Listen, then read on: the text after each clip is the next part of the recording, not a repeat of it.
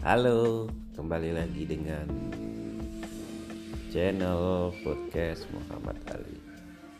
Pagi ini kita kembali ke episode 3 eh, membahas soal eh, masih seputar pendidikan di masa pandemi. Soal munculnya banyak pengangguran baru sebagai akibat dari adanya eh, PHK yang dilakukan oleh banyak perusahaan. Karena masa sulit. Juga pengangguran-pengangguran baru yang muncul dari lulusan-lulusan perguruan tinggi yang eh, mereka terpaksa harus berada pada posisi menunggu kondisi perekonomian mulai tumbuh bangkit lagi lalu lapangan pekerjaan baru tersedia kembali tetapi tentu persoalan kita itu kan hidup tidak uh, berhenti hanya karena masa pandemi kebutuhan ekonomi juga tidak berhenti hanya karena masa pandemi.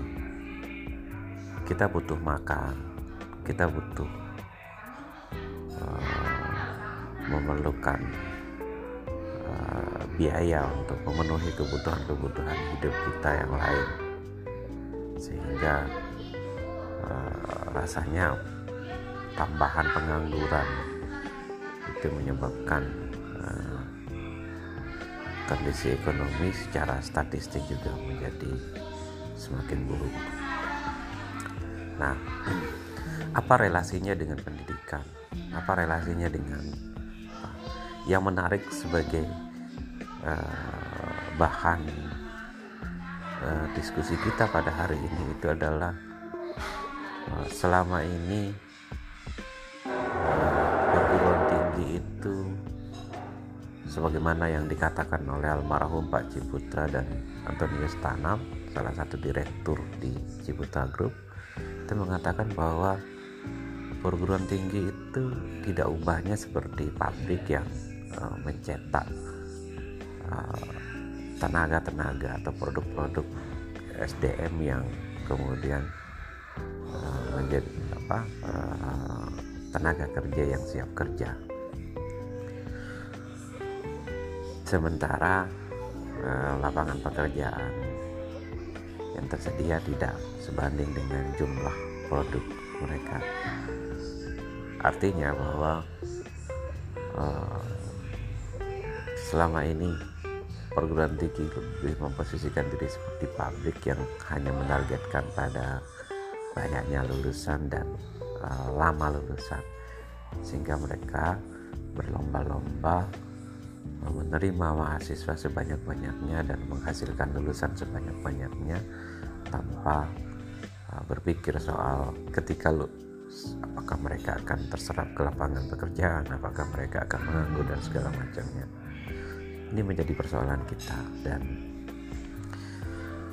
ketika uh, seorang Nadim uh, founder dari uh, platform bisnis uh, digital yang sangat dikenal dalam beberapa tahun terakhir itu kemudian diangkat sebagai menteri maka orang banyak berharap bahwa inilah saat di mana kesenjangan antara kurikulum dan kebutuhan uh, dunia kerja uh, profil lulusan yang dibutuhkan untuk bisa survive di pasca pasca lulus keluar dari perguruan tinggi itu kemudian akan menemukan jawaban. Tetapi karena pandemi tentu uh, juga baru kita tidak bisa berharap banyak uh, belum ada kebijakan-kebijakan yang uh, berdampak wow terhadap perubahan-perubahan uh, besar dalam penyelenggaraan dunia pendidikan kita. Ada harapan ketika uh, Pak Nadiem kemudian membuat sebuah uh, tagline kebijakan dengan istilah kampus merdeka belajar di mana mereka ada rambu-rambu pelaksanaan kegiatan belajar yang mendorong supaya mahasiswa pelajar itu bisa berkembang sesuai dengan kebutuhan dan kompetensinya masing-masing. Nah, seperti apa kampus kampus di Indonesia baik negeri dan swasta memaknai uh, konsep merdeka belajar itu telah yang uh, kemudian menjadi sangat penting. Hmm, saya sendiri berpikirnya begini, memang uh, jauh sebelum Pak Nadiem uh, bicara soal kampus Merdeka Belajar, uh, beberapa kali melalui diskusi-diskusi-diskusi informal yang uh, diselenggarakan dengan teman-teman sejawat dosen di kampus dan uh, pengalaman saya melihat itu sebagai bagian pada saat uh, diberikan kepercayaan menjabat sebagai kepala pusat karir yang salah satu tugas dan fungsinya itu adalah bagaimana menyembatani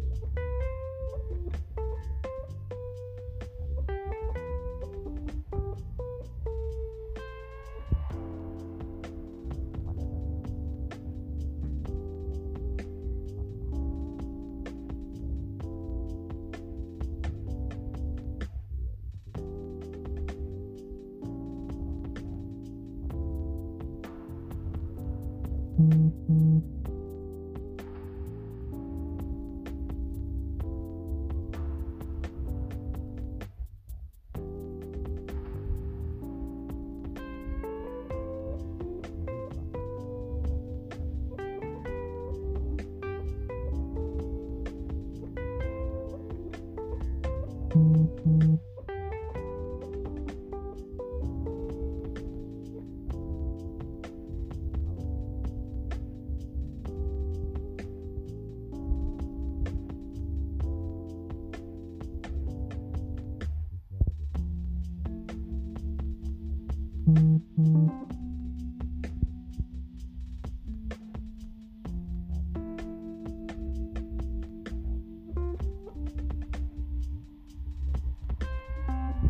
Pendidikan kita tidak harus belajar sampai 146 atau 48 SKS cukup 80 atau 90 SKS saja sudah kita bisa anggap mereka memiliki kemampuan yang sangat bagus di bidang ekonomi dan pendidikan.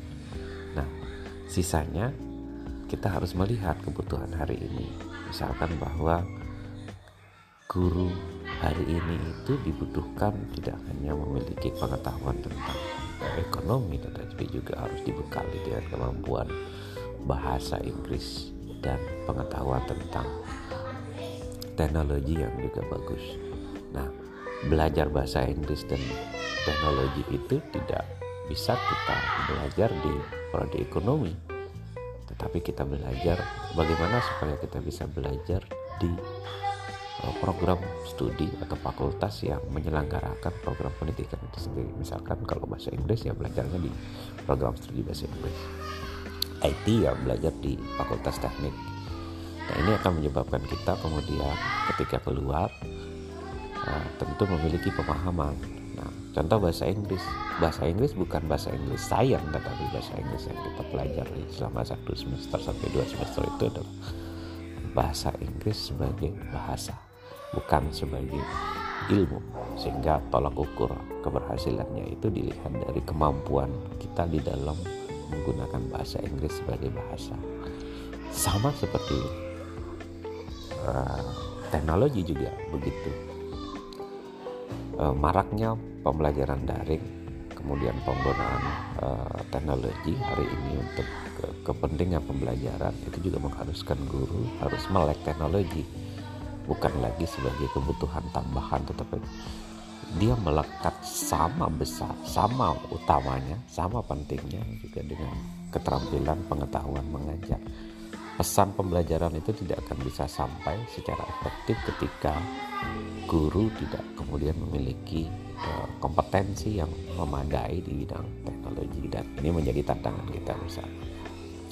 Kemudian yang ketiga selain bahasa dan teknologi tadi itu menurut saya bagi satu, salah satu solusi kita itu adalah bagaimana mendorong supaya mahasiswa lulusan kita itu memiliki kemampuan di dalam berwirausaha dalam menciptakan lapangan pekerjaannya sendiri. Ini yang juga uh, penting dan itu tidak hanya bisa sekedar diajarkan melalui uh, satu dua tiga SKS mata kuliah kewirausahaan tetapi juga harus dibentuk melalui sebuah proses lama dan panjang yang tidak hanya di kelas tetapi juga kegiatan-kegiatan eh, yang eh, lebih besar dalam rangka membudayakan eh, kewirausahaan itu sebagai sebuah kebiasaan di dalam kampus untuk didiskusikan Oke, okay.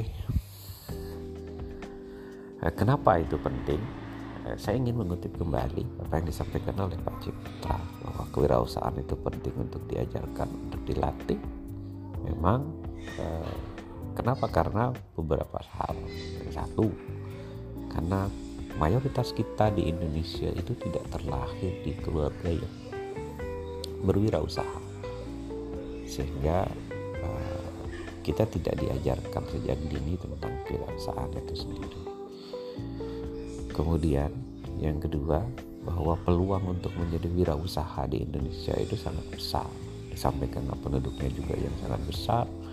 Eh, ketersediaan sumber daya eh, alam itu begitu melimpah dan selama ini lebih banyak kita jual dalam bentuk bahan baku. Jadi kesempatan untuk menjadi wirausaha itu sangat besar. Kemudian yang ketiga, di tengah keterbatasan sumber apa lapangan pekerjaan yang tersedia setiap tahun? Memang idealnya uh, kita harus memiliki kemampuan untuk uh, menjalani bidang usaha untuk menciptakan lapangan pekerjaan sendiri. Dan itulah faktor kunci. Tetapi ada empat hal yang menjadi masalah dalam hal kenapa misalkan kewirausahaan itu tidak bisa apa menjadi masalah hari ini dalam proses pembelajarannya dari hasil yang eh, penelitian yang pernah eh, saya lakukan itu yang pertama adalah misalkan minat dan kesadaran mahasiswa itu masih rendah ya tadi bisa jadi karena minat dan kesadaran itu karena apa yang disampaikan oleh Pak Putra soal kita tidak lahir dari uh, keluarga yang uh, memang pengusaha. Kemudian yang kedua memang ukuran sukses kita di mata lingkungan dan keluarga itu uh, kalau kita bisa jadi PNS atau jadi pegawai di sebuah perusahaan ini juga sesuatu hal yang mungkin perlu dirubah. Dan yang kedua selain minat dan kesadaran sikap dan karakter ya sikap dan karakter ini memang tidak bisa diajarkan ya, tetapi dibentuk melalui sebuah aktivitas lingkungan dan segala macam. Dan itu kenapa harus penting kampus kemudian membuat sebuah lingkungan uh, budaya berwirausaha yang kemudian uh, uh, apa harus masif.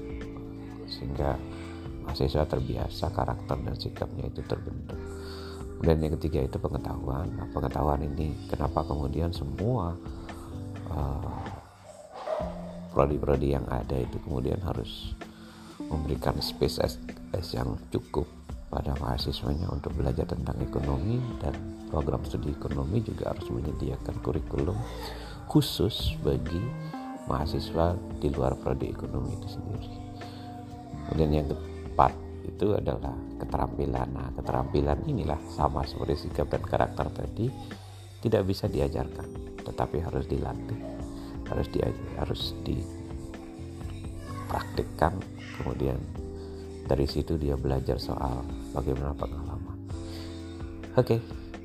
uh, sampai di sini dulu pembicaraan kita soal ini tentu nanti kita akan uh, lanjutkan lagi dengan tema-tema yang sama di episode selanjutnya tentang bagaimana relasi pendidikan itu sendiri dengan di masa pandemi dengan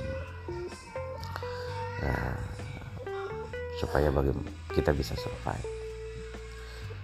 Oke, terima kasih atas perhatiannya.